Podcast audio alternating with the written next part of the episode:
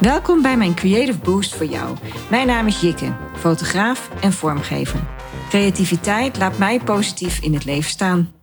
Ik maak deze podcast voor jou, zodat ik je kan inspireren en uitdagen.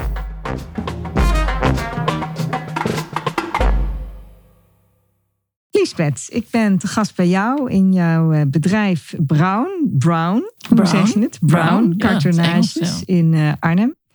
En eh, wij kennen elkaar al eh, een lange tijd. Zeker. Ik weet eigenlijk nog niet eens zo heel lang, maar volgens mij heb jij dit bedrijf sinds 2006. Ja, dus klopt. 16 jaar. Ja.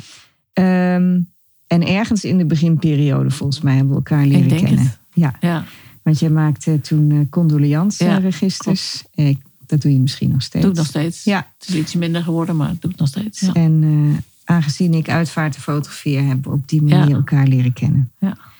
En ehm, nou, je doet het nog steeds volgens mij met plezier, heb ik het idee. Ja hoor, En, het, wordt, het wordt eh, alleen maar leuker eigenlijk. Oh, heel goed. Oh, dat is goed. Ja. En waarom? Omdat er zoveel te leren valt. En bij iedere nieuwe opdracht, het is allemaal maatwerk. Dus iedere keer eh, ben ik weer benieuwd wie er komt met welk verhaal en, en wat er moet gebeuren. En dat, is, eh, ja, dat gaat van heel simpel tot heel ingewikkeld. Dus dat maakt het heel erg leuk. Ik weet nooit hoe, hoe de dag gaat, gaat lopen.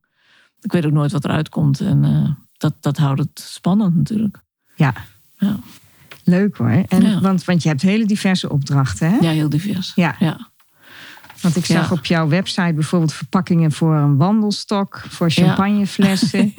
Ehm, ja. ja, ik weet dat je dus ook fotoboeken maakt met eigen stof. Dat heb je in ieder geval gedaan. Ik de stof van mensen die, eh, die, Die- kleding die dus- bijvoorbeeld. hè? Ja, ja. ja die, die nemen de stof mee en dan maak ik daar de omslag van. En dat, is, eh, ja, dat, dat worden altijd hele mooie dingen, omdat kleding natuurlijk niet. eh, als je het aan hebt, dan denk je niet dat, dat je er een boek van kan maken. Maar als, het- als het een boek is geworden, dan, dan wordt het een soort abstract kledingstuk. Je ziet nog wel dat het kleding is en tegelijkertijd is het iets nieuws geworden. Ja, En ik heb één keer een, eh, een serie boeken gemaakt van één stofjas. Dat was ook een, een uitvaartopdracht. en dat moesten eh, vier albums worden van één stofjas. Dus ik heb die, die jas helemaal uitgelegd en uh, zoompjes uitgelegd en gestreken. En, en daar gingen dan net vier boeken uit. Maar als je dan die, die, die, boeken bij elkaar legt, dan had je ongeveer die stofjas. Maar niet, natuurlijk niet helemaal. Maar het was een soort puzzel geworden van, die, van dat ding. En dan denk ik, ja, dat, dat levert hele mooie dingen op ja en iedereen nam zijn eigen stukje mee. En eh, de ene had een schoudernaadje en de andere een binnenzakje. En, eh, ja, dus dat soort dingen. Dat ja, dat is mooi om te doen. Ja, Ja. want je werkt dus ook met stoffen. Ja, En vooral kort- karton natuurlijk. karton, stof Ja. en papier. En, Ja. ja. ja. En, Ja. ehm, want je maakt ook bijvoorbeeld eh, vrij zakelijke opdrachten, zoals voor een bungalowpark of voor. ehm, eh, ja, ik heb al. Heb je een keertje voor Victor en Rolf volgens mij een keer? ja, daar heb ik één keer een. eh, dat was eh, tijdens de modebiennale volgens mij.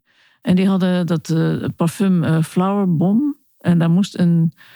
Eh, daar zat natuurlijk een doosje omheen. Maar er moest, om dat doosje heen moest een nieuw doosje als.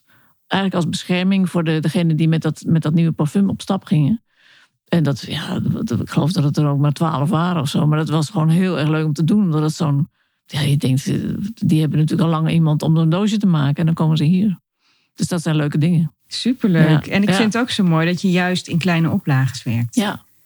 Ja, nou, het voordeel is, ik heb die machines, het is natuurlijk een oud bedrijf. En die machines zijn heel erg geschikt voor kleine oplages. En het probleem met, met de meeste eh kartonagebedrijven, die hebben natuurlijk enorme straten, machines staan. En als je die eenmaal afgeregeld hebt, dan wil je niet voor drie doosjes dat doen. Maar bij mij maakt het helemaal niet uit of ik er tien maak of dat ik er honderd maak. Ik denk, die machine die is in, in twee minuten afgesteld. Dus dat, dat maakt dat het betaalbaar blijft. En, en dat is ook heel vaak wat er natuurlijk aan ontbreekt. Want dan denk ik van ja, als je ergens op maat gemaakte dingen wil laten, laten maken, dan, dan begint het of bij heel erg veel, of het is onbetaalbaar. En hier zit het er een beetje tussenin. Het hangt natuurlijk heel erg vanaf wat het dan is. Maar het, het, eh, het hoeft niet eh, peperduur te zijn. Nee. En ik vind ook dat dat eigenlijk niet moet. En je, je, moet, je moet gewoon iets kunnen bestellen wat je graag wil hebben. eh, voor een betaalbare prijs. En niet dat je dan zegt van. Want ik, ik heb eens een keer bij een andere kartonagebedrijf gevraagd. Toen moest ik een doos maken en ik kon eh, moeilijk bepalen wat het moest kosten. Ik dacht, weet je wat, ik ga bij de concurrent vragen wat, het, wat hij vraagt. En eh, nou ja, toen bleek dat alles wat ik wilde, dat kon eigenlijk niet. Want ik had een, een oplaag van 25. Daar moest een, eh, de titel in blinddruk eh, van 20 centimeter lang. Er moest aan de binnenkant Japans papier, aan de buitenkant linnen. En, er moest een lintje in om boeken op te tillen wat erin ging. En toen bleek eigenlijk dat alles wat ik wilde kon niet. Want 25 stuks, begon bij 50. Een lintje deed niet, want het liet altijd los.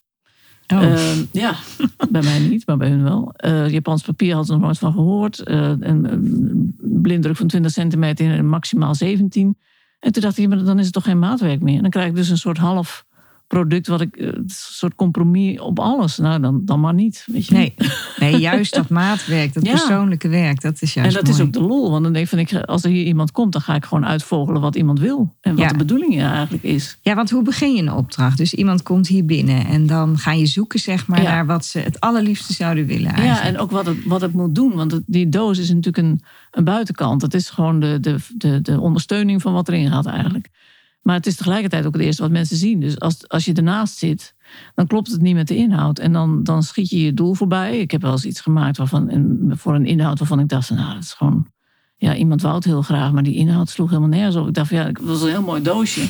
Maar ik dacht, dat wordt natuurlijk... Ik bedoel niet dat ik mezelf nou zo geweldig vind, maar dat is natuurlijk toch een soort, een soort anticlimax als je dan die doos openmaakt. Dacht, ja, dat, dat moet het ook niet zijn. Nee, En meestal is het natuurlijk andersom. Dan denk je, ja, dan, dan is het een, een beetje een, een domme doos. er zit er iets heel moois in. Maar Ja. het moet juist gewoon eh, elkaar, elkaar versterken eigenlijk. Dat cadeautje is- zijn om uit te pakken Ja, eigenlijk het- ook. Hè? ja, zeker. En het Ja. moet een, een soort verrassing zijn. Het moet, het moet de sfeer aangeven wat erin, het, hè, als het ideaal is.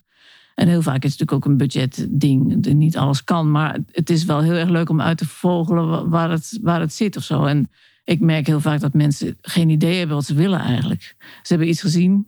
Eh, heel vaak zijn het Apple-doosjes die ze dan na willen maken. En dan Ja. je, ja, maar dan moet je niet hier zijn, maar dat kan ik niet. Nee. Ik bedoel, eh, Apple is, eh, weet ik hoe groot. Die produceren dat natuurlijk in, in weet ik hoeveel aantallen.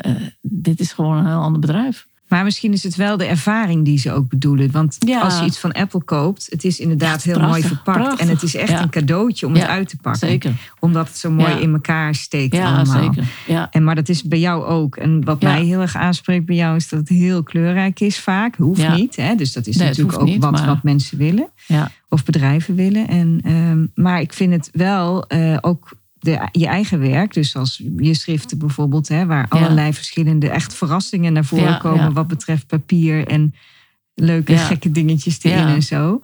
Dat eh, ja, dat spreekt me heel erg aan. Ja. En Nou, daardoor dat- is ieder exemplaar uniek daarvan. zeker. Maar Ja. dat vind ik ook leuk daarvan. Want dan denk ik van, het, het- alles is al zo uniform. En eigenlijk, voor mij maakt het niet uit of ik twee dezelfde dingen maak of twee verschillende. Want het is net zoveel werk. Ja, En het, het, eh, ik snap ook niet zo erg. Vaak is dat toch nog een probleem dat niet alles hetzelfde is. Terwijl ik dan denk van ja, maar dat is toch leuk. ja. Maar ik heb nu net dozen gemaakt voor Sheltersuit. Die, eh, die jongen die die slaapzakken eh annex jassen heeft ontworpen voor daklozen. ja heb ik over En die gehoord. hebben een. eh, ja, die zijn ermee bezig. En die, die, die zoeken geld natuurlijk om, om dat te kunnen financieren. En ze hebben een, een serie rugzakken ontworpen. Ook van allemaal restmateriaal. En die hebben ze verkocht. En daar heb ik dozen voor gemaakt. Die hebben ze zelf eh, met zeefdruk eh, bedrukt. En eh, dat was een oplage van 166 of zo.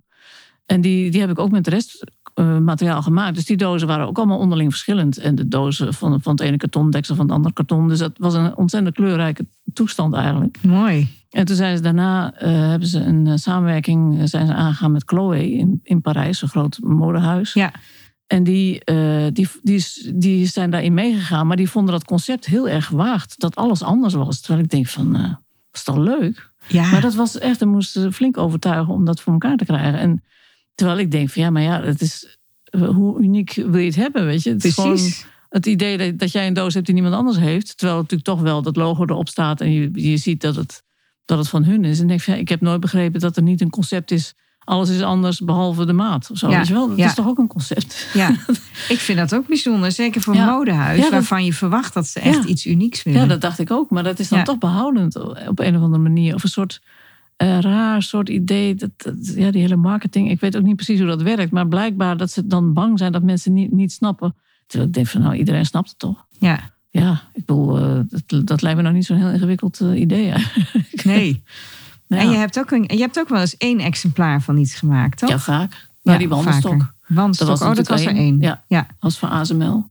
Dat was een relatiegeschenk. En die wandelstok die stond daar ergens in dat gebouw in een hoek. En dat was, die had een heel verhaal. Ehm, maar de meeste mensen die, die dat verhaal wisten, die, die waren al vertrokken. Dus er was nog één iemand die daar wegging, die, die dat verhaal kende. En die, eh, die kreeg die wandelstok. Ach, mooi. En eh, daar hebben ze, daar was, nee, het was iets, wat was het nou toch? Het was een, een bezemstil of zo. Ja? er een wandelstok van gemaakt. Volgens mij was het een Oh. bezemstil. En, eh, maar goed, dat ding, dat was natuurlijk een, eh, eh, ja, een onmogelijk ding om een doos voor te maken. En toen moest ik een doos maken van 1,40 meter bij 7 bij 7 centimeter. Ja. Maar dat, het meeste karton is al niet eens 1,40 meter. Dus dat was een enorme puzzel om dat voor elkaar te krijgen. En dan moest het ook nog in hun... Ze hebben een hele mooie kleur blauw als, als huisstijl. Moest het mee ontplakt worden, blauw papier. Maar dat papier, dat was natuurlijk ook al... Dus het zat ergens een naadje. Ik dacht, ja, dat kan niet anders. En dan moest er ook nog een soort mechaniekje in... dat die, die stok niet los in die dozen rommelde... maar dat die ergens in opgesloten zat. Dus ik heb kartonnen soort houdertjes gemaakt... dat als je hem opendeed, dat hij dan daar mooi in lag. Nou, dat was ongelooflijk leuk om te doen. Wat leuk. Ja. Maar ja, Ja, er moest ook een, een logo in en dat zat dan aan een hoekje. En dus moest ik met, met mijn enorme pers en dan precies in dat hoekje van die 1,40 meter. Nou ja, een Uitdaging. hoop, eh, een hoop geklungel. Maar het, ja, hij is wel erg mooi geworden. En hoe lang ben je nou met zo'n doos bezig? Zo'n uniek exemplaar? Poeh, nou ja, dat is moeilijk te zeggen, want ik doe altijd een heleboel dingen door elkaar. Ja, elke, elke En- keer een stukje. Ja, en ook, weet je, het, het uitdenken is, is de helft ongeveer. Zeker bij Ja. deze. Dus dan Overleggen ben ik- ook, denk ja, ik. Ja, zeker. En, en het, Materiaal het- het zoeken. dingen proberen ook. Want ik denk, ja, ik eh, was er ook nog niet helemaal uit hoe dat dan moest met open doen. En hoe, dat, hoe die stok daarin zou blijven zitten en zo. Dus ik denk, van, ja, het, het echte maken valt eigenlijk wel mee. Maar het, het, het uitdenken, en dat doe ik ook vaak als ik met iets anders bezig ben. Ja. Dan heb ik een opdracht met een flinke oplage. En dan, eh, dan kan ik ondertussen puzzelen hoe dat... eh, Nou, om er een beeld bij te krijgen, kunnen mensen op jouw website kijken. hè? ja, Browncartonages.nl .nl, ja. Ja. Ehm, maar je hebt ook een keer, wat mij bijstaat, een ehm, mooie doos gemaakt voor de koningin, Ja, Beatrix. ja. ja. En dat was echt een uniek exemplaar, toch? Ja, dat was, dat was voor Sonsbeek eh 2008, grote beelden tentoonstelling. En er kwam natuurlijk een catalogus bij uit. En er was een vraag of ik eh, dozen kon bedenken voor de sponsoren die meer dan 100.000 euro hadden gedoneerd. En nog wat eh, belangrijke mensen, dus waaronder de koningin. En ehm, dat moest een doos worden eigenlijk waar iedereen een stijl van achterover sloeg. En eh, er moest dan, die catalogus moest erin, maar er moest een bezoekersgidsje in, er moest een cd in, er moest eh, nog wat losse dingetjes. En eh, nou ja, Ehm, en het was een oplage van, ik geloof ze begonnen met 20 of zo. En ik heb een, een modeldoos gemaakt. Want ik dacht van ja, dan moet het ook wel flink over de top zijn. Dus, en ik had zoiets, het moet eigenlijk een doos zijn waar zoveel in zit. En iedere keer weer een laag. En er zit er nog wat onder. En wow, nog wat en dit. Dus ik heb een doos gemaakt met allemaal vakjes. En ik heb het voor de, ik dacht van de, buitenkant stond vast. Want het was het huisstijl van, van dat jaar was wit met goud. Dus er was een logo in goud op, op witte ondergrond. Ja. Daar zat ik al vast. Ik dacht van nou, dat wordt dan de buitenkant. Allemaal hetzelfde. En die binnenkanten worden gewoon allemaal anders. En bij iedere doos eh, ben ik opnieuw gaan, gaan bedenken. En Ik heb het park als, als uitgangspunt genomen. Gewoon de, de, het park zelf. Dus de, de flora en de fauna. En eh, vooral de flora trouwens. En daar stoffen bij gezocht. En daar die binnenkанten van die, van die doos mee bekleed. En dan al die bakjes en vakjes die erin zaten. Weer met andere papiersoorten die bij die stof pasten. Mooi. En dat, ja, dat, uiteindelijk waren het er 36. Zo. En dat was ongelooflijk leuk om te maken. omdat ik- 36 dozen of Ja. 36 vakjes? Nee, 36 dozen. Ja. Er zaten per, per doos een stuk of vijf vakken in, geloof ik. Mooi. En Ja. dan inderdaad in die lagen. Wat In die je lagen, ja. Je moest iedere keer een laag uithalen. En helemaal onderop zat de catalogus. En de rest zat er bovenop. En dat, ja, het, was gewoon ongelooflijk leuk. Want mensen wisten ook helemaal niet wat ze kregen. En die, die ik weet nog, het bestuur, die kregen ze allemaal tegelijk. Er waren dus twaalf mensen of zo. En die hadden ook helemaal niet door dat ze allemaal anders waren. Dus ik maakte eerst hun eigen doos open. Oh, en toen zagen ze bij, bij de buurman. Ze van, oh, wacht eens.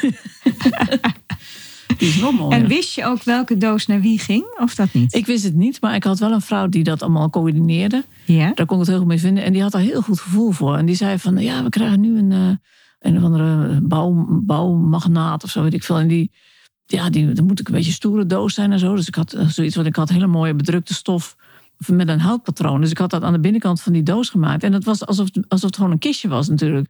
Door dat hout. En dat, met allemaal een beetje eh, ruwe, een beetje jute, ruwe stoffen, ruw papier. Oh. En dat was, ja, die man die was helemaal, die had echt het gevoel dat het voor hem gemaakt was. Maar dat was dan op een manier zo in de roos. En een andere, ik had hele mooie stof, was een soort fluweel ausbrenner van die, van die bloemen en rozen. Met, Ja. met- heel Chinees deed het aan, weet je, roze, rood met turquoise, heel mooi. Dus ik had daar Chinese papiertje bij gezocht voor die bakjes. En toen bleek dat er dus en, en iemand die zo'n doos moest krijgen, die was half Chinees. Dus die vrouw had ook helemaal zoiets van, nou, het is gewoon helemaal op mij gemaakt, weet je. Ja, dat was dan niet helemaal zo. Maar die vrouw die dat coördineerde, die kon dat heel goed eh, invullen. Dus dat, ja, dat, dat, dat werkte gewoon prima. En had je voor de koningin nog iets speciaals eh, ge- toegevoegd? Of had Nou zij ja, speciale, eh, Ze had een speciale dingen ja, erin? want ze had, eh, er zat in het deksel van de doos zat het logo geborduurd nog. Ja? En eigenlijk was mijn bedoeling om het logo van, hè, als er bedrijven zijn, om het logo van dat bedrijf erin te borduren. Want ik dacht van ja, dit, zij hebben gedoneerd. Dit is hun doos. Ja, goed bedoel, dat logo staat overal op, staat op de catalogus, op de buitenkant. Dus ik vond het een beetje eh, doorgeschoten om daar dan ook nog het logo van Sonsbeek in te borduren. Bovendien was dat helemaal niet geschikt om te borduren, want dat was een soort rasterpatroon. Dus dat werd ook helemaal niet zo heel geweldig. Maar ja, dat was nou eenmaal, hè, dat moest. Ik dacht van oké. Maar voor de koningin, die kreeg dan ook nog een kroontje op, de, op het logo Oh. meegeborduurd. En ik had gelukkig twee lappen laten borduren. Ik had voor haar eh, hele mooie kobaltblauwe zijde. Want zij had natuurlijk altijd van hele sprekende kleuren aan. Ja. En ehm, dus ik dacht, nou die hou ik gewoon in even blauw. Maar dan allemaal tinten blauw. Dus zijde en eh, een beetje satijn. En er zat er nog een soort, soort zilverpapierachtig iets in. Nou, en dat, be- beplakken van die binnenkant van die doos met die stof... dat was nog best een ingewikkeld verhaal. Dus dat... dus ik was daar heel mee begonnen. Zo, dat moest allemaal heel precies. En zij was natuurlijk de eerste die zo'n doos kreeg ook. Dus het was ook mijn eerste doos die ik maakte. En ik was helemaal... En toen had ik uiteindelijk was ik klaar. En toen deed ik hem dicht. Toen zat het logo op de onderkant. Oh. Door de hele stress had ik gewoon... Die, Ja. die, dat had ik dan even niet in de gaten gehad. Nee. Dus nee. Oh, balen. vreselijk, echt. Ja, gelukkig had ik dus nog een lap laten borduren. Dus ik heb toen... Heb je die andere eraf gehaald of laten Nee, ik zitten? heb laten zitten, helemaal aan de kant geschoven. En eh, echt een dag later, ik dacht, nou, nu uh, Even tot telefoon uit, eh, eh, ja, deur op slot. En nu ga ik gewoon heel rustig die Ja. doos maken. Ja. En eh, ja, die, eh, het, het grappige was, wij waren ook bij de opening. En ze, hè, die doos werd overhandigd. En op een gegeven moment zag ik een of andere maarschalk of zo. Zo'n man, en die had die doos onder zijn arm. Die stapte in de helikopter. Ik dacht van, nou, daar gaat hij. Daar gaat de doos. Ja. Oh, maar Ja. ze heeft hem wel eventjes ingezien. ja, dat weet ik eigenlijk niet eens, want daar mochten Nee. wij niet bij zijn. Oh. Want ik heb nog gevraagd of iemand het wilde fotograferen. Maar Ja. dat, nee, daar mochten wij dan niet bij Dat zijn. Dus. Ah, jammer. Ja. nee, ik hoop Nou het. Laten we het Ja. hopen. Hè? We hebben er een Ja. soort fantasiebeeld Ja, bij hoe zij dat bestudeerd heeft. Ja, ja. En ga je zelf wel eens op zoek naar opdrachten of komt het eigenlijk gewoon naar jou toe allemaal? Eh, het komt eigenlijk gek genoeg wel allemaal naar mij toe. Ehm, komt ook wel omdat ik sommige dingen steeds minder doe. Weet je, de- in het begin deed ik alles, want ik moest ook overleven en ook leren wat, wat, je wel en niet moet doen. Dus toen heb ik ook wel dingen gedaan waarvan ik dacht, dat doe ik nooit meer. Dus dat doe ik ook niet meer. Maar dus het, het is wel zo dat het, op de opdrachten die je maakt, krijg je natuurlijk dingen binnen. Want het is een bepaalde sfeer die mensen zien. Het is allemaal via via eigenlijk. Ja. Eh, dus dat, dat, dat werkt prima, want dan krijg ik ook gewoon de opdrachten die ik graag wil hebben. Maar er zijn wel dingen waarvan ik denk, dat zou ik graag nog wel doen. En ik, ik eh, ben nu bezig voor eh, Overture. Dat is een, een sieraden, ja, hoe zeg je het? Een, een soort... ehm, het zit in Amsterdam en het is een... eh, Bibi van der Velde is een, een sieradenontwerpster, een, maakster, een goudsmid. En die heeft eh, ook een, een, een soort eh, club om zich heen verzameld van ontwerpers die nergens bij horen, maar Hmm. nu allemaal bij elkaar zitten. En daar, eh, ik heb voor, voor eh, Bibi van der Velde in het verleden wel eens iets gedaan. Dat kwam bij toeval. Eén keer een doosje voor haar huwelijk of zo. Nou ja, in ieder geval niet iets wat met die sieraden te maken had. En zij maakt echt ongelofelijke dingen. En ook echt in het, eh, ja, in het hoge segment, zou ik maar zeggen. En ik, toen vroeg ik me al af, van waar gaan die dan in? Want ja, dat, als, je zo, als je een ring koopt van 23.000 euro, dan, dan moet er toch wel iets omheen zitten. natuurlijk. Ja. Dus dat, dat, maar daar kwam ik niet echt achter. En dat, nou ja, dat verliep zo'n beetje. En dat was al jaren geleden en zo. Maar toen, tijdens de corona, was het natuurlijk stil. En ik dacht van ja, ik, ik ga, wat zou ik nou graag nog zelf willen doen? En toen dacht ik, ja, Ja. ik wil toch gewoon eens weten hoe dat, ja. Hoe dus dat ik dacht, zit. weet je wat, ik ga gewoon een doosje maken waarvan ik denk dat zo'n ring helemaal tot zijn recht komt. En dan ga ik het voorleggen. En Ja. dan hoor ik wel of het eh, wel of niet, eh, of ze er iets mee willen of niet. Of...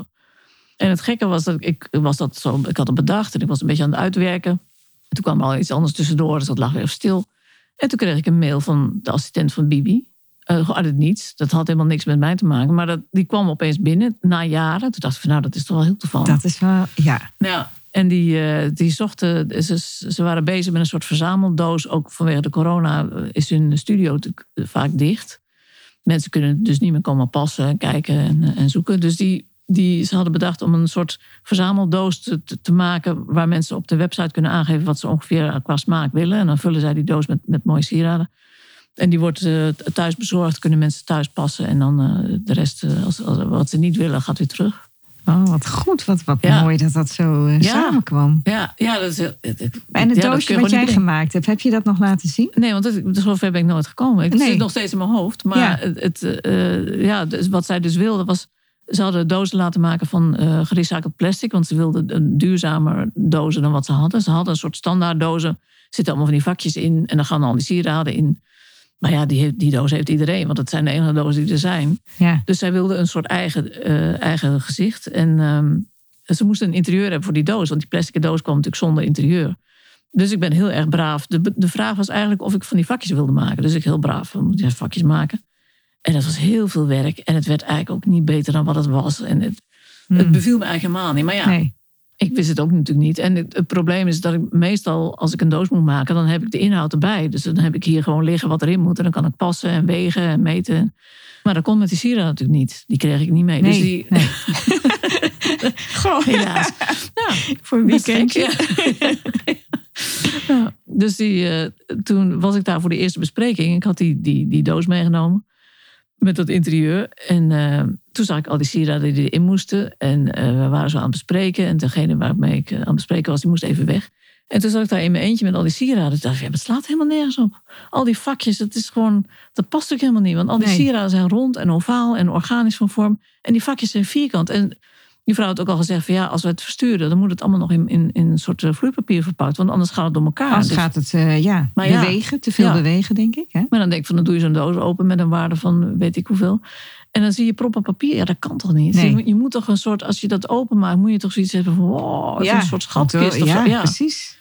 Dus ik, ik had zoiets van nee, het moet gewoon anders. En toen dacht ik, heb ik heel snel een schetsje gemaakt. Ik, ik zei van ja, het moeten gewoon ronde gaten zijn of zo, waar dingen in liggen. Als je dat open doet, dat je, dat je een soort ja, weet ik het, alsof je onder water aan het duiken bent naar parels of zo. Weet je, ja, maar je moet gelijk het gevoel hebben, het is het waard. Ja, ja ik, en het is ook een verrassing wat erin zit. Van, ja. in dit gaatje zit dit en daar zit dat. En nou, dus uh, nou, dat vond, ze eigenlijk wel voor in. Dus ik ben daarmee verder gegaan. En toen heb ik het eerste ontworpen. En dat waren inderdaad ronde gaten, maar dat was veel te rond. Want het bleek dat een heleboel dingen eigenlijk ook niet echt rond waren, maar ovaal. Dus er kon te weinig in. En die, waren, die vormen waren weer te puntig. En toen heb ik een derde gemaakt. En die beviel eigenlijk wel goed.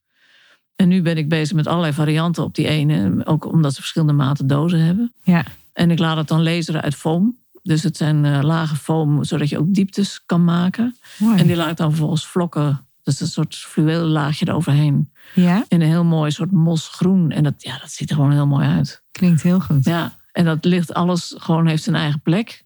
En uh, het, bij elkaar is het een soort, ja, het is echt een schatkamertje. Ja. En dat vind ik heel erg leuk, omdat het ook helemaal natuurlijk, het is niet mijn materiaal en het is ook niet mijn. Ja, nee, het is, hè, dat materiaal vind ik ook nog best lastig, want ik van dat foam is ook niet, ben ik niet helemaal 100% tevreden over, omdat het natuurlijk. Ja, het is, als je nou niet, het is nog niet bepaald duurzaam, zou ik maar zeggen. Ja, ja precies. dus dat, dat zijn dan wel van die lastige, lastige afwegingen, maar goed. Maar ja. het is gewoon heel erg leuk om, om dat, uh, om dat uit, te, uit te vogelen en uit te zoeken. En dan denk ik van ja, dat, wat dat betreft, ik ben natuurlijk eigenlijk grafisch ontwerper, maar dat, dat vormgeven, dat, dat houdt u niet op bij Nee. papier of zo. Dat zit overal in. En dat vind ik er leuk aan. Denk van, ja, maakt niet uit waar het over gaat. Weet je, je kunt natuurlijk, het gaat gewoon over, over vorm en, en functie. En, en daar moet je, dat, ja, dat moet een beetje bij elkaar komen. En dan moet het er ook nog mooi uitzien als even kan. Ja, ja. ja. Want je achtergrond is grafisch ontwerpen. Ja. ja. En waar heb je dat gedaan? Ik heb in Utrecht uh, op de academie, uh, kunstacademie de grafische vormgeving gedaan. En ook afgemaakt. En uh, ik Mooi dat je dat erbij zegt en ook afgemaakt. Nou ja, ja, er zijn inderdaad ja, aardig wat mensen die afhaken natuurlijk. Ja. Maar het was ook eigenlijk meer dat ik dacht, eh, het was een, best een schools, tenminste in die tijd, een schoolse opleiding of zo. Het was een beetje, een beetje strak. En, en we hadden ook docenten die eigenlijk allemaal in dezelfde hoek zaten. En dat was gewoon niet mijn hoek, want ik ben, ik ben veel barokker of zo. En dat moest allemaal Zwitserse typografie, alles heel, heel gewoon, ja, gewoon een beetje kil of zo. En, Ja. En ik kon daar niet zo goed mee uit de voeten. Maar ik wist natuurlijk ook niet dat dat ook anders kon natuurlijk. Want ik, ja, weet je, als je erop, ik was 18 toen ik begon. eh, Ja, wat weet je, wat weet je dan eigenlijk? Dus eh, toen, eh, ik weet nog, het, het ene laatste, of het laatste jaar, het eindexamenjaar, dan moest je een, een, een eigen opdracht verzinnen. toen dacht ik van ja, dan kan ik twee dingen doen. Ik kan doen wat, wat zij van mij verwachten eigenlijk. En, en waar ik de hele tijd meteen aanloop. Omdat ik zelf denk dat ik het zo niet kan. Ja. Of ik, ik kan ook gewoon denken van weet je wat, ik ga het nu zo maken zoals ik het het liefst zou doen. En dat is heel goed, want je ziet vaak, eh, ik heb zelf grafische vormgeving in uh, Arnhem gestudeerd. En je komt toch wel zien wie daar vandaan kwamen, zeg maar. Ja, Hè? En ja. dat, is, dat is toch wel een valkuil vaak. Ja, ja. en het is natuurlijk ook, ik denk van niet iedereen zit hetzelfde in elkaar. Mhm. En niet iedereen heeft dezelfde, hetzelfde vormgevoel. En ik denk van ja, het, het, ik, ik heb er heel veel aan gehad. Want ik merk nu natuurlijk Ja. dat ik het eh, ongelooflijk goed eh, kan gebruiken. En ik heb er ook natuurlijk ook gewoon heel lang in gewerkt. Dus het, het, het, het is heel belangrijk. Maar, Absoluut. maar wel op mijn manier. En ik heb toen met het eindexamen, ik ben gewoon, ik, eh, Lola Pag- Pagola, die hadden toen die schoenen. ja, En eh, die hadden een ongelooflijk mooie eind, eindexamencollectie van hele barokke schoenen met zij. Hele mooie echt van die Oh, geweldig. sprookjesschoenen. Ja, En ik dacht, weet je wat, ik vraag hun of ik voor hun een huisstijl kan maken. Met eh, compleet met een soort eh, reclamecampagne. hè, en, als en- eindexamenproject. Ja. En als het, ze kunnen het ook gewoon gebruiken als ze willen. En, dus nou, dat, daar waren ze het mee eens. Dus dat heb ik toen gedaan. Het was dus gewoon eigenlijk een praktijkopdracht, maar wel helemaal naar mijn eigen zin. En ik weet nog, ik, op een gegeven moment kreeg ik zo'n koffer met schoenen mee om foto's te maken. Toen ben ik naar Ameland gegaan. Mijn, mijn zus die zat daar toen. En dat was in, in de winter van 85 of zo. In ieder geval zo'n hele strenge winter. Ja. En dat hele eiland was ondergesneeuwd. Ik weet nog dat mensen opeens met, met paard en, en, en arreslee door de straten reden. Die hadden dat allemaal. En ik ben toen met die koffer op dat strand eh, foto's gaan maken. Nou, het was echt geweldig. Het was Ja. een soort, ja, soort alsof je in IJsland, IJsland zat. Of weet ik het, heel erg mooi. En het past ook heel, heel erg bij de sfeer van die schoenen. ja. En, ehm, en ik heb ze nog meegenomen. Toen was het, het, eh, het IJsselmeer was bevroren. En dat was, het ijs was aan het kruien tegen de, eh, de vuurtoren van Marken op of zo. En dat was, was op nieuws geweest. Was een enorme berg ijsschotsen. Ik dacht, daar ga ik heen. Dus ik met die schoenen onder mijn arm. op die ijsschotsen. Nou, het was echt prachtig. Het was zo ontzettend mooi. En waarom eh, vond je het zo krachtig? Ik denk omdat het kleurrijke schoenen waren ook. En dat het goed uitkwam in het wit. Ja, en het was gewoon zo'n mooie sfeer. Het was, Ja. het was een soort sprookjessfeer. Het was natuurlijk mijlenver weg van de Zwitserse typografie. En, en ik dacht ook, ja, maar dit is wat ik mooi vind, weet je. En, Ja. en ik ben toen ook met die, die hele reclamecampagne, ik had die foto's, daar ben ik omheen gaan stempelen met, met behangrestjes. En weet ik- helemaal, ik dacht, nou, ik ga gewoon helemaal aan mijn dak. ja. En uiteindelijk is dat gewoon heel erg goed gevallen. Want ik ben, ik ben cum laude ges- geslaagd. Oh, wat goed. Het kan de andere kant Ja. gaan, maar het kan ook zo gaan. Nou, super. En dat was gewoon omdat, omdat ik dacht, ja, maar dit is wat ik ben. En, en, als, en er zijn altijd mensen die het niet mooi vinden, maar dat, daar heb ik niks aan. Nee. Die, die hoef ik ook helemaal niet. Dat nee, wordt maar die, dat worden wat. ook niet je klanten. Nee. Nee. Nee, en want als, als dat wel mijn klanten worden, dan ben ik altijd aan het, aan het schipperen. En daar heb ik helemaal geen zin in. Nee. En, eh, en er zijn ook altijd wel mensen die het wel mooi vinden, natuurlijk. Tuurlijk. Want eh, de wereld zit, bestaat uit, weet ik. ja, nou ja en ik, maar daar heb ik zo ontzettend veel van geleerd eigenlijk. Dat je denkt van oké, maar als ik gewoon die weg volg, dan weet ik tenminste waar ik mee bezig ben. Want dat was het ook een beetje. Ik weet nog dat ik, dan had ik zo'n opdracht. dacht, Ja, maar ik weet helemaal niet wat ik aan het, aan het doen ben eigenlijk. ja. En ik zie dat het niet goed wordt, maar ik weet ook niet waar het op komt. En het rammelt. En het, nou. Dus, maar toen was ik natuurlijk eh, net klaar op die academie. En toen had ik dat allemaal ontdekt. Ik dacht, ja, ik ga nu niet naar een reclamebureau voor een baan. Dat- Ik had zoiets van, nee, Nee. ik moet nu eerst uitzoeken wa- waar dat heen kan gaan. ja. En ik dacht, ik wil gewoon nog een jaar op een vrije richting op een academie. eh, gewoon dat verder uitzoeken. En dan daarna ga ik wel een baan zoeken of zo, of iets anders. ja. En toen ben ik in Arnhem eh, nog een, een jaar, nou ja, uiteindelijk werd het drieënhalf jaar geloof ik.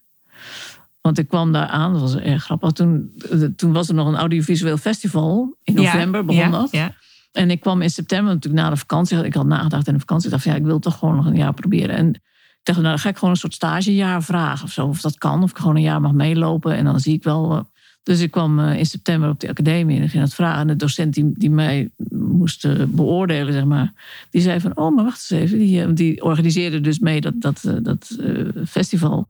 En die zei van, ja, de vormgever die, die, van het hele festival die is weggelopen. En de catalogus moet nog gemaakt worden. En je hebt grafische vormgeving gedaan, dus eh, maak eerst nog maar die catalogus. En dan daarna mag je wel een jaar komen. En ik dacht, ja, ik moet het kunnen, want ik heb een, ik heb een diploma. Ja, precies. Dus Mooie uitdaging. Dat ben ik toen gaan doen. En dat was ook heel erg leuk. Het was echt een berenklus. Want het, het was, er waren eh, van ieder land waren er scouts. Die, die, die, het was internationaal. Dus heel Europa eh, waren allerlei films. En dat moest allemaal in de catalogus. Dus er waren allemaal mensen die het materiaal moesten aanleveren. waren natuurlijk allemaal te laat. En Ik kan het, Het me nog herinneren dat er sommige dingen inderdaad op het laatst net Ah, goed kwamen. altijd, ja. ja. Maar het was ook heel erg leuk natuurlijk. En toen kwam dat hele festival er nog achteraan. Was ik altijd in november. Ja. Nou, ja, daarna lag ik ook helemaal op apengapen. Dus tegen de tijd dat ik echt aan die, aan die studie kon beginnen... was het al januari. Was het jaar natuurlijk half om. ja. Dus ik zei, ja, dan wil ik nog wel een jaar eh, blijven eigenlijk. En toen zei ze, ja, maar dan moet je wel eindexamen doen. Ik zei, nou is goed. ja. Dus toen heb ik weer eindexamen gedaan. In, maar dan op de vrije richting. En ik, daar heb ik ook nog wel een tijdje in gewerkt. Maar ik dacht, ik, ik ben gewoon toegepast. Ik, ik vind dat toegepaste vind ik zo ontzettend leuk. Om, om, omdat je in een soort kader zit. En je, je moet gewoon uitzoeken wat iemand anders wil. En dat vind ik gewoon leuk. Ik vind, Ja. ik, ik vind het ook heel leuk om te, uit te zoeken wat ik zelf wil. Maar dat, dat, dat Die zoektocht, wel die weer. vind je mooi. Die zoektocht vind ik leuk. Ja. En zeker als je dan ergens komt waar, waar, waarbij je allebei verrast bent of zo. Omdat, je dan, eh, omdat er opeens iets gebeurt wat je allebei toch niet helemaal had voorzien. Ja. Dat zijn de leukste dingen natuurlijk. En, En, heel vaak ja. gebeurt dat toch wel. Want ik denk van mensen zijn ook... eh, die hebben natuurlijk ook geen idee wat er kan. Dus als je gaat zoeken, dan kom je dingen tegen die je helemaal niet bedacht had. Ja, want eigenlijk. laat jij je dan inspireren door stoffen die je tegenkomt, papier? Hoe, hoe zoek Ja. je daarna? Ga je markten af of ga je via leveranciers? Of, eh, Ja, nou, ik ben eigenlijk altijd wel op zoek. En, en het kan ook in, in de gekste dingen zitten. ja. Ik weet nog, Of als je een reis maakt Ja, bijvoorbeeld. nou, op reis is natuurlijk altijd fijn. Ik weet nog, in, in Istanbul daar zit ergens een, een wijk met, met groothandels. En, en dat per straat. Dan heb je een straat met afwasborstels en een straat met plastic zakken en zo. Maar er is ook een straat met, met verpakkingsmateriaal. En die, ja, die- hebben de mooiste spullen. Alleen, ja, hoe doe je in je beste Turks eh, daar zaken? Dus dat, dat waren dan van die hele donkere kleine winkeltjes. En er lagen stapels karton en rollen met, met, papier en weet ik wat allemaal. Maar die hadden ook een afdeling met cadeaupapier. En dat was echt ongelooflijk mooi. Want dat waren misdrukken. En dat was dan allemaal een beetje tuttige, rare papiertjes. Maar ja, die wil ik wel hebben natuurlijk. En dat ging dan per Ja. 20 kilo. Ik dacht, ja, dat kan natuurlijk niet. Want ik, dat krijg ik niet mee. Nee. Ik moet ook nog terugvliegen en zo. Dus dat, maar toen bleek dat als er dan ergens een aangebroken pak was... dan kon je op de weegschaal kon je, kon je afwegen en dan kon je meenemen. En dan, ja. Daar, dat was echt geweldig. Dan heb ik zulke mooie papieren weggehaald. En ik van dat soort dingen, dat, dat inspireert me heel Dat erg. is dan echt een vondst, hè? Ja, Ja. ja. en ook echt het, het grappige natuurlijk met dingen uit het buitenland. Daar kleeft dan ook nog die hele ring van die, van die hele reis aan vast. En een verhaal heb je En een dan. verhaal, ja. Ja. ja. Maar dat vind ik ook, denk van dat, dat is natuurlijk wat ik in die schriftjes doe. Ja. Dat zijn de restjes van dat soort eh, voorraden. En, en ja, voor mij is zo'n schriftje dan helemaal natuurlijk een soort eh, reisverhaal op zich. ja. Maar het is ook een, eh, ja, ik weet niet. Het, is, het, is, het blijft gewoon aantrekken ook. Al die, oh, ik had laatst schoenen gekocht. Van een hele, hele simpele gymschoenen op, op internet. Ja. 12 euro of zo. van, die, van, van niksige dingen. En die kwamen binnen. En er zat ongelooflijk mooi papier ingepropt. Want die, die moeten natuurlijk op... op hè, er zitten al papierproppen in. Maar dit was een prachtig met, met bloemen en dingen. Nou, ik was blij met de papieren en met die schoenen. Weet je. En, denk van die, en met de papieren... Die heb, daar heb ik dik die schoenen mee terugverdiend. Want dat Ja. heb ik overal in gebruikt. Nou, ja, dat soort dingen vind ik. Daar geniet ik echt Ja, van. mooi is dat. Ja, ja ik herken het wel. Die vier liefde, die heb ik ook. eh, Ja, ja. en dessin, dessinliefde ook. Ja. En dat zit hem ook in die stoffen. En ik denk, ja, stoffen is voor mij... Ik kom wel uit een textielfamilie eigenlijk. En, maar ik ben zelf niet zo heel erg van het, van het eh, kleren naaien. Maar, maar ik wel de aantrekkingskracht van al die stoffen. Ja. En op een gegeven moment ontdekte ik dat ik natuurlijk stoffen kan gebruiken... om boeken mee te bekleden. En, en nu ook dozen van binnen. En dan is er opeens een eindeloze voorraad... een nieuw materiaal beschikbaar. Want, want alles kan, weet je. En dan denk ik, het is echt geweldig. En ben je, Ja. Maar ben je creatief opgevoed? Ja. Ja. ja, dat zit er wel vanaf het begin... En op wat voor In- manier? Nou ja, in ieder geval dat er, eh, dat er heel veel aandacht voor was. We, we werden ook meegenomen naar musea. En mijn, mijn ouders zijn allebei, hebben allebei conservatorium gedaan. Dus muziek was bij ons eigenlijk wat er, hè, waar het over ging. Maar mijn moeder die, die, eh, die breidt ongelooflijk veel en mooi. En die, die nog steeds, ze is nu 87, ze breidt nog steeds. En ehm, mijn tante en oom die hadden een, eh, een, hebben lang een handwerktijdschrift gehad. En mijn tante, die, of zij allebei, die wisten zo ongelooflijk veel daarvan. Ja. En, eh, dus dat zat er gewoon heel erg in. Maar mijn, mijn, mijn oom en tante, die, die hebben dus voordat ze dat tijdschrift hadden, werkte ze voor de, de Ariadne. Ze werkte voor, eh, voor anderen. En ze hebben ook de poppen van de Fabeltjeskrant gemaakt. Oh, echt? De echte? Ja, ja, de echte. Oh, En die waren natuurlijk van, van Vilt. En wij kregen de restjes. De, hè, als je het hebt over waar knutsel je mee. Ja. Wij kregen zakken vol met restjes Vilt. Met al die, al die schubjes. Van die, want die, al die veren. Weet je, als je het uitknipt, dan hou je natuurlijk van die tegenvormpjes over. En daar hebben we eindeloze zee, zeegolfjes mee gemaakt. En, en eh, nou ja, bomen, weet ik, daar kon je natuurlijk van alles van, van maken. Ja. Maar dat was gewoon materiaal. En eh, ja, eh, en we, ja, we kregen ze nu dan eh, nieuwe potloden of zo. Weet je, dat je, ik, ik kan me nog zo verheugen. Ze hadden zo'n grote doos met nieuwe kleurpotloden. Ja. Zo'n prachtige kleur en dan van die scherpe punten. Ik denk van, ah, heerlijk. of doosjes wasco of, of weet ik veel. Ja, ik weet niet. Het werd er Heerlijk, wel echt ja. gestimuleerd ook. ja, mooi. Maar het was ook aan ons wel besteed. Ik bedoel, dat is natuurlijk ook... En heb je nou ooit de echte poppen gezien ook? Want dat is natuurlijk toch wel een beetje wat kinderen dan heel mooi Ja. zouden vinden Ja. ook. Hè? En Nee. volwassenen denk ik ook wel als herinnering aan Ja, ja, ja, ja. Nou, ik, ik weet niet. Volgens mij was er natuurlijk een tijd terug een, een tentoonstelling over. Want het bestond, eh, weet ik het, 50 jaar of zo. Ja, precies. zou best kunnen. Ja, maar dat heb ik helemaal gemist eigenlijk. Het voorhanden hebben van materiaal is gewoon. Ja, is je gewoon bent echt mee opgegroeid met materialen, Ja. diverse materialen, hoe je er iets moois van kan maken. Ja, dat was Ja. natuurlijk altijd. Dus dat werd al echt aangewakkerd, het Ja. idee van wat kan je ja, daar en allemaal ook, mee? en ook eh, dat, je, dat het niet, niet per se eh, dure spullen hoeven te zijn. Want ik weet, wij hadden een, een doppendoos. Ja, Daar hebben we verzamelden gewoon alle doppen van alle tubes en, en flesjes en weet ik wat. En daar, daar konden we eindeloos mee spelen. Daar hebben we hele steden mee gemaakt. Met al die doppen helemaal door de kamer. Weet je, en onder de vleugel door zo. dat en dan. En, Ja. en dan je, ja, dat was natuurlijk helemaal niks. Nee, Maar dat, dat, dat maakt helemaal niet uit. Dus ik Nee. denk van dat, dat, ja, dat, het is natuurlijk ook verbeeldingskracht wat Ja. je moet hebben. En, maar je moet, je moet wel iets hebben om dingen mee te kunnen maken. En ja. dat is wel, ja. Nou, dat is heel leuk. Ik ben zelf ben ik al die broodclipjes aan het bewaren. Oh ja. Al een hele tijd. En dus ik heb al een aardige zak. ja. En eh, ik wil dus een keer dat, want dat weten de kinderen ook. Dan gaan we een keer op tafel leggen. Als ik eh, zoiets heb van, nou, nu heb ik een flinke voorraad. En dan gaan we kijken wat we ermee kunnen, zeg maar. Ja. Want dat is, dat is volgens Ja. mij echt creatief denken. ja, zeker. En ik denk dat het ook een, heel leuk is voor mensen die nu luisteren ehm, om thuis eens te doen. Dus iets verzamelen een tijdje.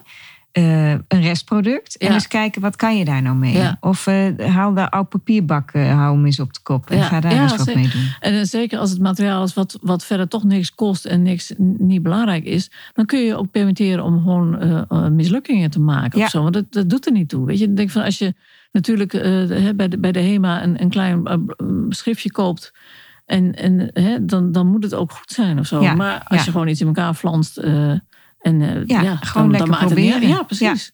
Want dan, dan kom je ook ergens toe. Want anders dan ben je meteen al geremd eigenlijk. Omdat het meteen goed moet zijn. Ik bedoel, dat merk ik ook wel met die schriftjes bijvoorbeeld. Dat mensen roepen van ja, maar het is zo mooi. Ik durf niks in te schrijven. En ik zeg van ja, maar het is gewoon een half fabrikaat. Weet je, het is pas af als jij er iets mee doet. Ja, Want daar, daar ik probeer jou juist te, te verleiden om, om, het, eh, om verder te gaan waar, waar ik stop, zou ik maar zeggen. ja, Dat, dat maakt het tot een mooi ding. ja. En er zijn ook mensen die gaan helemaal los. Weet je, ik, vind, ik heb wel eens een, een boekje teruggezien. Dat was echt tot, van voor tot achter vol getekend. En een dingetje. Dat is prachtig. En ik denk, ja, dat, dat moet het, dat, dat- daar is het voor eigenlijk. Ja, en ook zoals je zelf zegt, voor recepten bijvoorbeeld. En Ja. mensen die graag koken. Want omdat jouw eh, schriften zijn al een beetje een, een, een verhaal, zeg Ja. maar. Hè? Ja. Een reis. Dus Ja. dat past eigenlijk Ja, het koken ook wel weer heel ja, erg ik probeer bij. mensen gewoon over te halen om, om, Ja. om daarin, daarin door te Of gaan. eigen zo. verhalen, reisverhalen Ja. of wat dan ook. Kan natuurlijk van alles zijn. Ja. Maar eh, Ja, maar mensen hebben een soort duwtje nodig om, om dan over zo'n soort drempel heen te gaan. Terwijl ik denk, van, ja joh,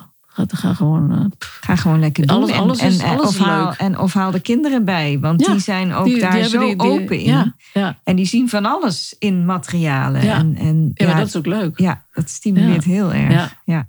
En ik heb hier natuurlijk ook wel met van. eh, ik heb hier natuurlijk een restafval. Ik heb een, een, een, een hoekstandsmachine die, die, die stanst hoekjes uit. Maar dat zijn gewoon keurige vierkantjes. In alle maten en soorten natuurlijk, want die kan traploos instellen.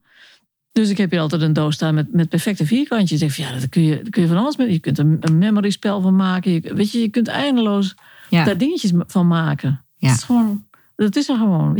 Ja, super. Ja, Ja. zo leuk. Ja, ik word daar ook heel enthousiast van.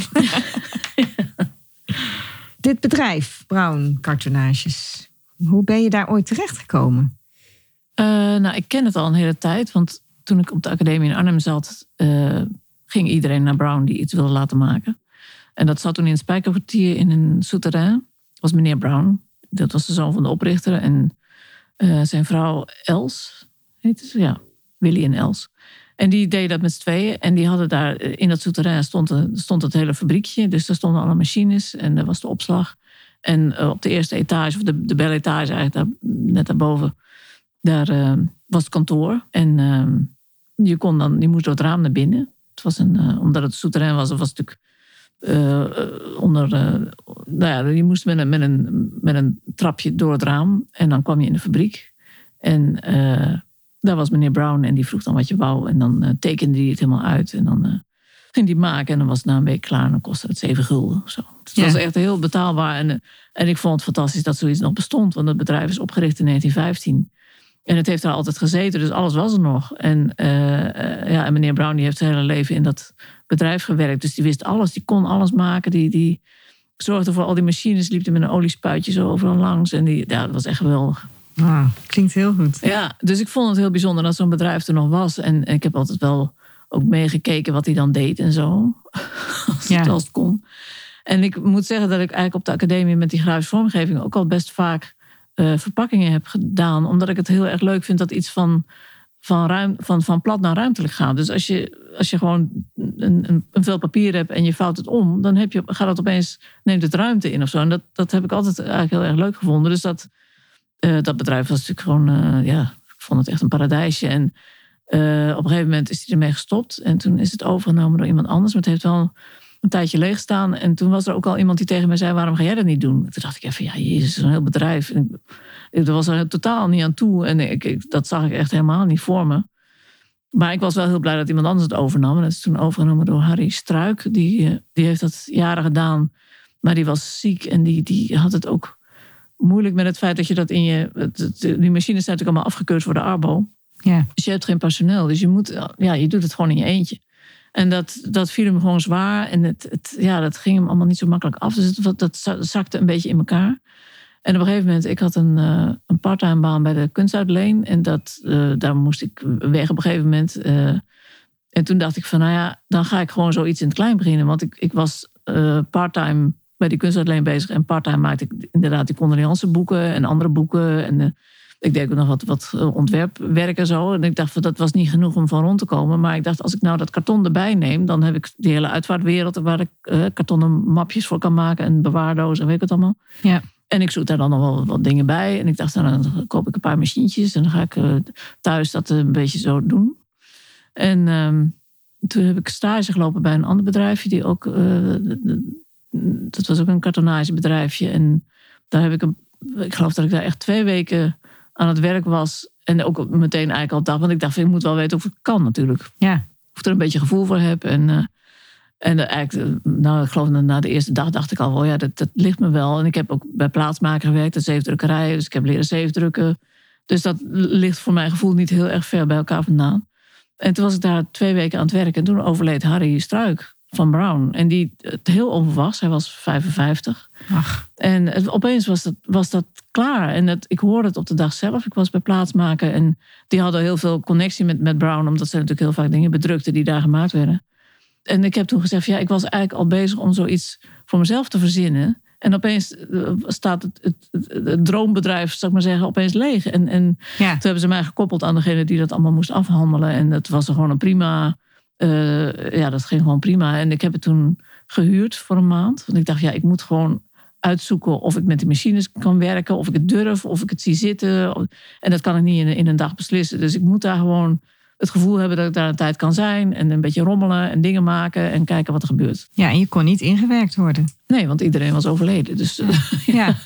ja. Dus, dus het, het, zelf was, uitvinden. Zelf uitvinden. En, um, Gelukkig had je opgelet bij meneer Brown. Ja, precies. En het voordeel natuurlijk van deze machines, die ook allemaal uit de jaren 20, 30, 40 zijn, die zijn gewoon hartstikke logisch. Dus je zet ze aan en ze kunnen maar één ding. Ja. Ik vind, oh ja, oké, nou. Want je gebruikt nou, ze nog steeds, toch? Ik gebruik ze nog steeds, want ze zijn onverslijkbaar. Ja. En ze zijn heel, ja, ik vind het heel prettig. Ze zijn natuurlijk mechanisch, dus je kunt ook snappen wat ze doen. En als er dan dus iets niet goed loopt, dan kun je ook uitvogelen waar het ook komt. Dus ik hoef niet onmiddellijk een of andere helpdesk eh, te, te bellen of weet ik veel wat. Ik kan gewoon zelf ding, dingen bijsturen. Ja, en, en ik kan, kan wel iets uh, een beetje repareren. Zo. Dus denk, ja, dat vind ik gewoon zelf een soort luxe eigenlijk. Ik vind het een soort onafhankelijkheid die, die ik heel prettig vind. Dus dat, die machines op zich zijn hartstikke fijn. En het, het werken ermee is, ja, dat wijst zich wel. Weet je, je legt karton onder, hij doet dit. Ik denk, oké, nou. Ja. ja. kan niet zo heel veel. Uh, het gaat, ja, ze kunnen maar één ding. Dus dat, dat is het dan. En je bent wel naar een ander pand gegaan, hè? Ja, ik heb daar ongeveer een jaar gezeten in dat souterrain. Maar dat was, het was aan de ene kant heel erg onpraktisch. Want het, eh, alles door het raam naar binnen betekende ook een pallet karton door het raam naar binnen. Nou, dat ging natuurlijk niet. Nee. En ik had binnen ook te weinig plek om het allemaal kwijt te kunnen. En het was natuurlijk in een woonwijk. Het Spijkerkwartier is ook gewoon een juppenbuurt geworden. Dus dan stond er een vrachtwagen met karton. En was iedereen weer boos. En klanten konden niet parkeren. En iedereen moest door het raam. En Ja, ja het eh, het lekte aan alle kanten. was heel erg verwaarloosd. De elektriciteit was heel slecht. Het, was zeker in, onder dat huis. daar- Want er was, zat een soort aanbouw in de tuin. Daar stond ook nog een deel. Maar die, onder dat huis, daar, daar liepen alle, alle elektra. En dat was een soort Parijse metro. Met allemaal van die kabels die daar over dat plafond liepen. Waarvan niemand meer wist of er überhaupt nog stroom op stond of niet. Of, nou, levensgevaarlijk eigenlijk. En er waren lekkage. En eh, nou ja, het was gewoon... Geen ik dacht-. Nee, en het was ook klein. Het was Ja. gewoon te klein eigenlijk. En ik weet ook wel dat meneer Brown, die nam gewoon geen oplages hoger dan 100 aan. Ja. En als- je 200 zei, nou, dan kom je maar terug. Ja, Maar ik dacht, ja, dat kan ik gewoon niet stel doen. je nog een keer Ja, honderd. ja die, die had echt eh, een scheid aan. Maar dat, Ja. ik dacht, ja, dit, ik moet dat toch wel anders doen. En, ehm, en het was aan de andere kant ook gewoon te veel het oude Brown. Ik dacht, ja, er moet ook gewoon een frisse wind doorheen. Want ik ben, ik ga niet als een soort, een soort eh, een malle pietje in, in die oude machines zitten prutsen. Weet je, het moet gewoon een nieuw bedrijf zijn. En het moet ook zo zijn dat ik dingen maak waarvan je niet weet dat ze op die oude machines gemaakt zijn.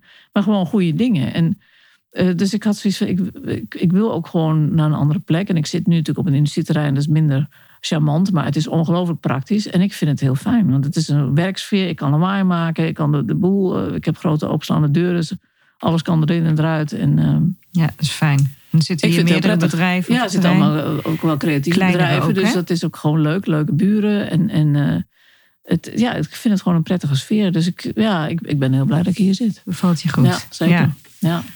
Want je hebt, ehm, heb je dan nog speciaal een cursus of zo gedaan om dat karton Nee. te verwerken? Nee, ik heb het gewoon on- proefondervindelijk. Ja, precies. Nou, dat is ook mooi. Ja, ja. en het is ook, het, het, het, ja, het wijst zich ook wel. En het is natuurlijk, ja, met dingen waar ik dan niet uitkom.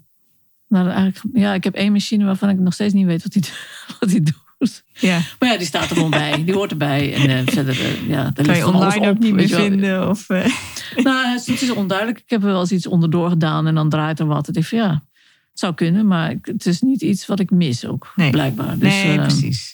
Wat grappig. Nee, ik heb wel ooit- machines bijgekocht, dat wel. Ja. Ja.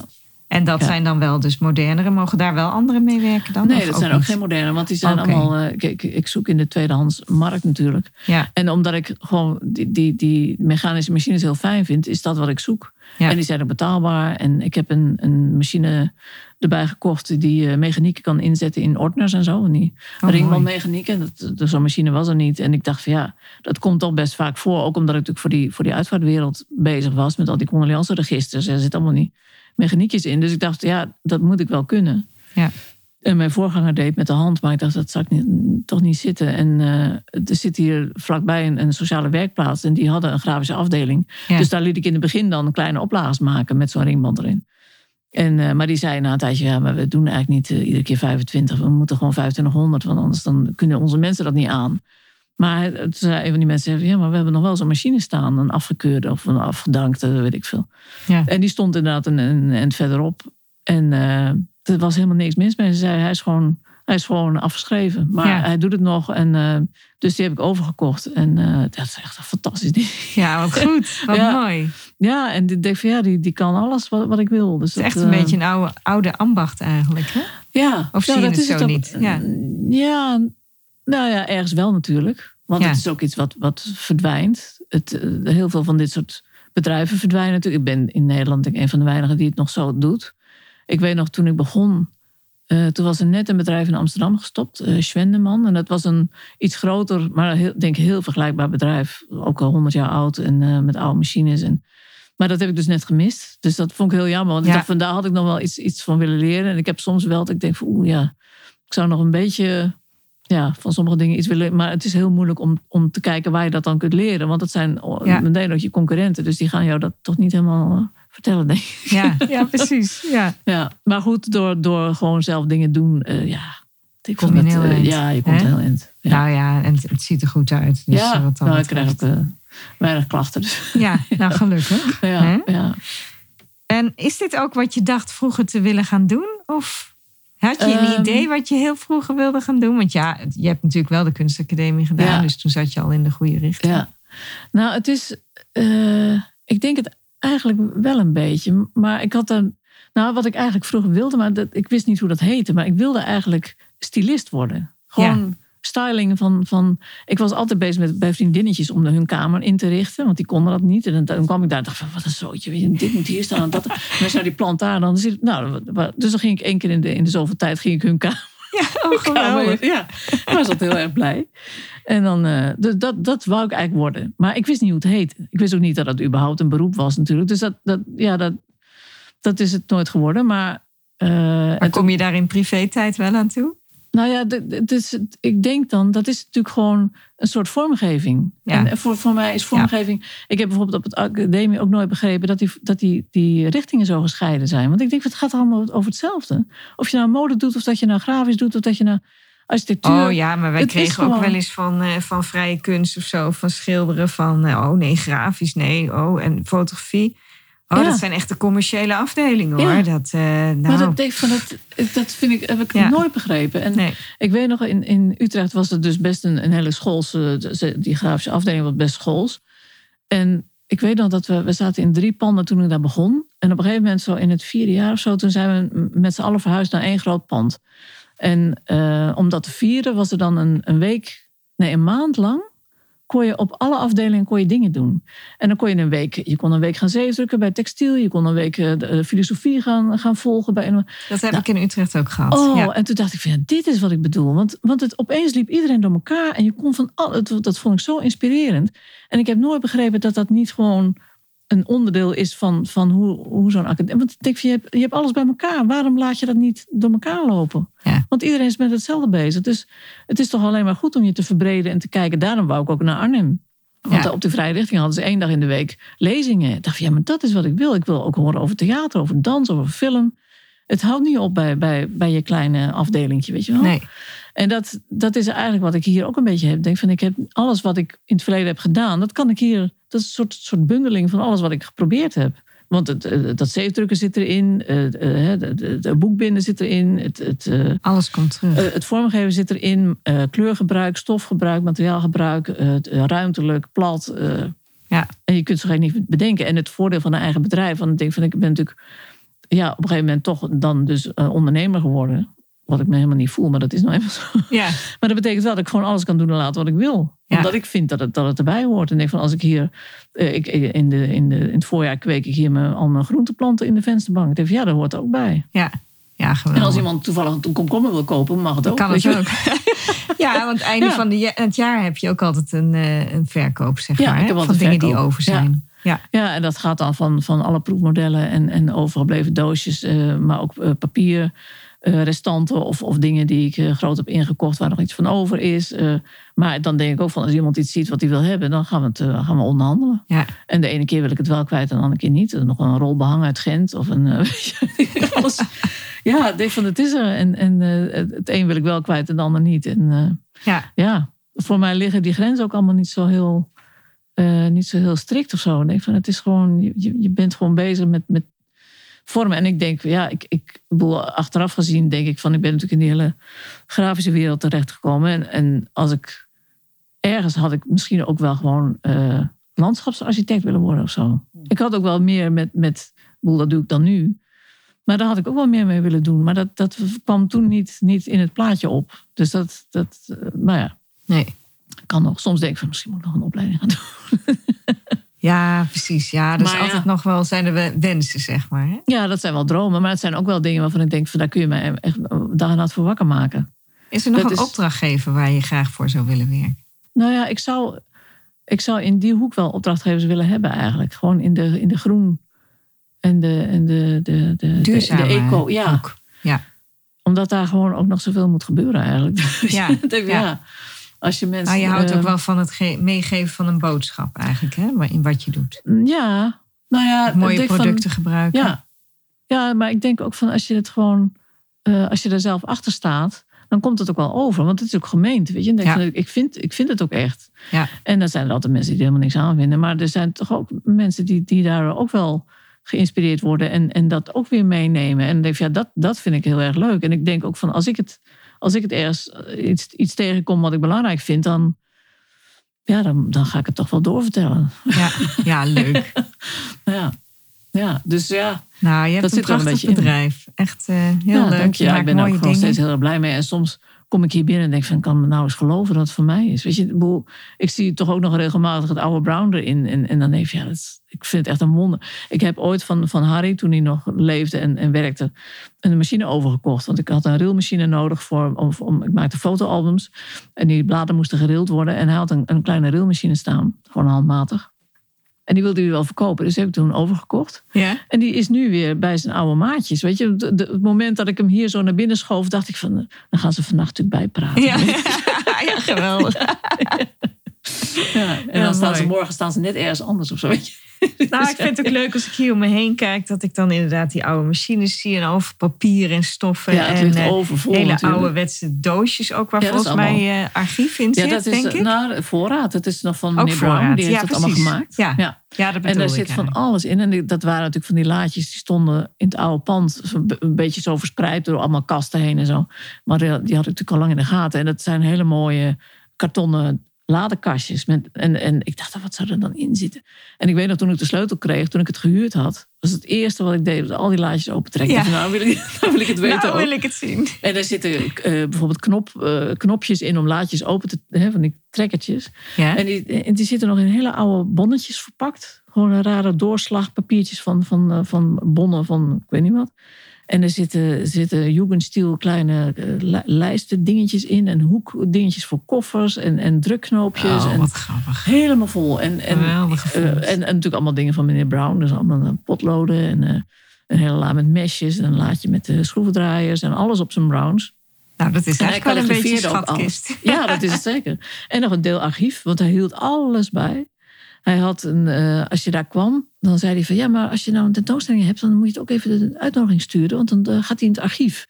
En dan had hij inderdaad zo, had hij allemaal zelfgemaakte ordners natuurlijk. En dan eh, met gekalligrafeerde ruggen van, alle, van A tot, tot, tot, tot Z. En iedereen zit erin. En ik, toen ik dat hier, ik heb dus wat er nog over was, is een deel kwijt, maar er is nog een deel over en dat heb ik meegenomen. En toen kwam hier op een gegeven moment kwam hier iemand, was een fotograaf of zo. En die, eh, toen zei ik van, zullen we even kijken in die, was ook een Arnhemse man. Dus Ja. zullen we even kijken in die mappen. En dan kwam er inderdaad zo'n heel katern van, die, van zijn eigen opdrachten Ah, uit. Maar die, die meneer Brown, die, die bewaarde niet alleen gewoon eh, ge- gerelateerde eh, dingen, dus van een tentoonstelling of zo. Maar bijvoorbeeld, hij was op een gegeven moment ook klant van de week bij de bakker. En dat zat er, had hij dan uit de krant geknipt, dat zat er dan ook bij. Dat je echt even, ja, Oh, ongelooflijk, ja. Wat een beleving met, met je klanten dan. Hè? Ja, ja. En ook, ik bedoel, ik zit er zelf ook in, want ik heb ooit in 89 een keer een doosje besteld. Dat zit gewoon in, nu in, in het archief wat ik heb. Ik dat is toch ook gek? Ja. Oh, fantastisch. Ja, met alle maten Heerlijk. erbij en de prijs. En, eh, ja. Ja, daar heb je echt zo'n beeld bij. Hè? Ja. Zoals bij een oude apotheker, zo, Ja. eh, die alles keurig op orde Ja, heeft. En, ja, hij eh, had echt alles, ja, alles, alles voor elkaar. en begaan. Ja, ja, zeker, zeker. En ik heb hier nog een keer... Want ik wist ook helemaal niet hoe die hele familiestructuur was. Dus ik heb, toen ik hier eh, naar dit pand verhuisde... heb ik een, soort openingsfeestje gegeven. En iedereen die, die ik kon vinden uitgenodigd. Ook al van oude klanten en zo. Maar van die familie wist ik eigenlijk niet zoveel. Dus toen bleek dat er nog een... eh, was een broer van Willy, dus eh, van, van de oude meneer Brown. En die, eh, eh, zijn vrouw die was, die was erachter gekomen dat het overgenomen was. Want die had het idee dat het al lang verdwenen was. Dus die was helemaal verbaasd. En die zijn hier toen geweest. Toen was die man al 84. Ah. En die had ook in het bedrijf gewerkt. En die had ook nog herinneringen aan, niet zo'n hele goede geloof ik, maar herinneringen aan de tijd dat hij daar werkte. Ja. En ehm, ja, die, dat was echt, het was zo grappig eigenlijk. Dus er was een machine. En hij liep, er was die hoekstandsmachine. En hij, hij liep erop af en zei hij, oh, zei die machine. Oh, maar dat hoort er helemaal niet op hoor. En toen bleek dat er een soort aanlegstripjes opgemaakt zijn. Die ik natuurlijk wel heb gezien. ja, Maar er nooit over na heb gedacht dat die niet origineel zijn. En dat pikte hij er meteen uit. Ik dacht van, nou, dat is toch ook wat. geweldig Ja, toch? echt. eh, ja. Leuk om, te, om dat dan te ervaren van Ja. eh, zijn eh, expertise. Ja, zeker. En zijn vrouw die was een stuk jonger en die werkte ook in, mee. En die zei van ja, maar op zolder, daar lagen alle rollen stof en papier om, om al die doosjes te bekleden. Toen dacht ik van, oh, dat is allemaal weggegooid. Oh, wat jammer. Ja. Ja. Door Ja. mijn voorganger, of dat is gewoon verdwenen. Maar dat, Ja. dat, ja, dat was dus Daar de lag voorraadszolder. Oh, Ja. Nou. Paradijs is dat geweest waarschijnlijk. Ja, zeker. Ja. Ja.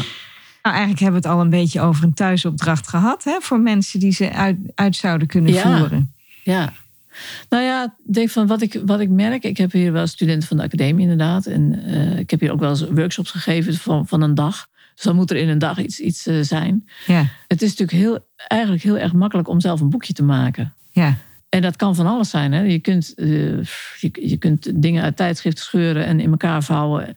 En, eh, ja, dan, dan, maar een, een boekje is opeens een heel ander ding dan losse, losse bladen. Dus, want je krijgt een volgorde en je moet over die volgorde nadenken. En je kunt een verhaal maken. En je, je kunt met een, hè, als je hem openlegt, dan heb je een verhaal. En als je dan omslaat, heb je een ander verhaal. Dus je, je kunt daar gewoon van alles mee doen. ja. En het is eigenlijk ook gewoon heel erg simpel. En ik denk van de eerste keer dat ik mijn eigen eerste boekje naaide, dacht ik even, goh, wat een, wat een, wat een verrassing. ja, terwijl het gewoon, het is een handeling van niks eigenlijk. Het is ook niet echt moeilijk, want je kunt het gewoon een een paar keer doorsteken en dan zit het al in elkaar. ja. En dan heb je opeens gewoon iets wat je daarvoor niet had. Dus dat, nou ja. Het is natuurlijk even, even proberen van hoe, hoe doe je dat op een Ja. mooie manier. Ja, nou het simpelste is gewoon eh, vellen in elkaar vouwen. Eh, en dan eh, prik je drie gaatjes en je, je begint bij het middelste gaatje. Van, je hebt een naald en draad heb je Ja. nodig. En dan ga je van, van binnen steek je naald door. Ga je naar buiten. Ga je door, door de bovenste. Ga je weer door het middelste naar buiten. Dan ga je door de onderste. En dan maak je een knoopje in. Ja, oh, Dan zit hij in elkaar. Dan is het eigenlijk al klaar. Hartstikke leuk. Nou, Ja. dat is iets voor thuis. Hè? Bewaar leuke papiertjes uit schoenendozen. Alles, alles oude En, schriften. eh, Je kunt alles, alles, ja. Behang, alles kan. Alles kan. Van alles. Ja. Leuk. nou, dan wil ik jou heel erg bedanken. Graag gedaan. Vond het erg leuk. Ja, ik ook. Ik vond het heel leuk hier te Ja. gast te zijn. Ja. Absoluut. Nou, goed om daar ook nog weer eens even allemaal over te praten. Hè? Alles de revue te Zeker. laten passeren. Voor jou is dat ook leuk Ja, natuurlijk. zeker. En ik hoop dat de luisteraars dat eh, ook vonden. Ja, en, ik hoop eh. Nou ja, als ze info, eh, contact op willen nemen of meer informatie willen hebben, dan kunnen ze dus naar jouw website. Ja. Dat is www.browncartonages.nl. Ja, kartonages Ehm, met een C. Cartonages met een C. Ik heb gesproken met Liesbeth Visser. Nou, ik wil je heel erg bedanken. En eh, Graag gedaan. Ja, ook veel bedankt. succes met alles. Ja, dank je.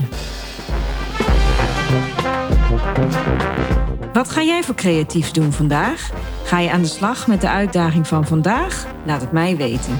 Meld je vandaag nog gratis aan bij de Facebook Creative Boost Community.